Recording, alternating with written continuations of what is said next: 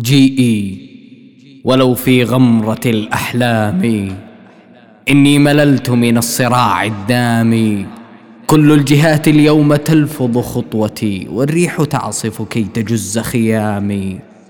والبحر حين رميت فيه مصائبي جاء الجواب بموجه المترامي جئي إلي فقد فقدت نضارتي وبقيت نحلا مثل عود ضامي. أنا ذا كعين حين فاضت ادمعا تركت فدمع العين غير ملام. لم يلتفت لي غير شخص واحد كان اللقاء به بجسر غرامي كان انعكاس الوجه حين رأيته أبصرت في عينيه كل حطامي قال اقترب قلت ابتعادي واجب إني أرى في قربكم اثامي ومضيت أركض في البيادي خائف لا البين خلفي لا الأمان أمامي.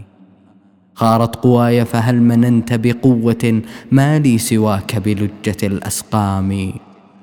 جيئي إلي.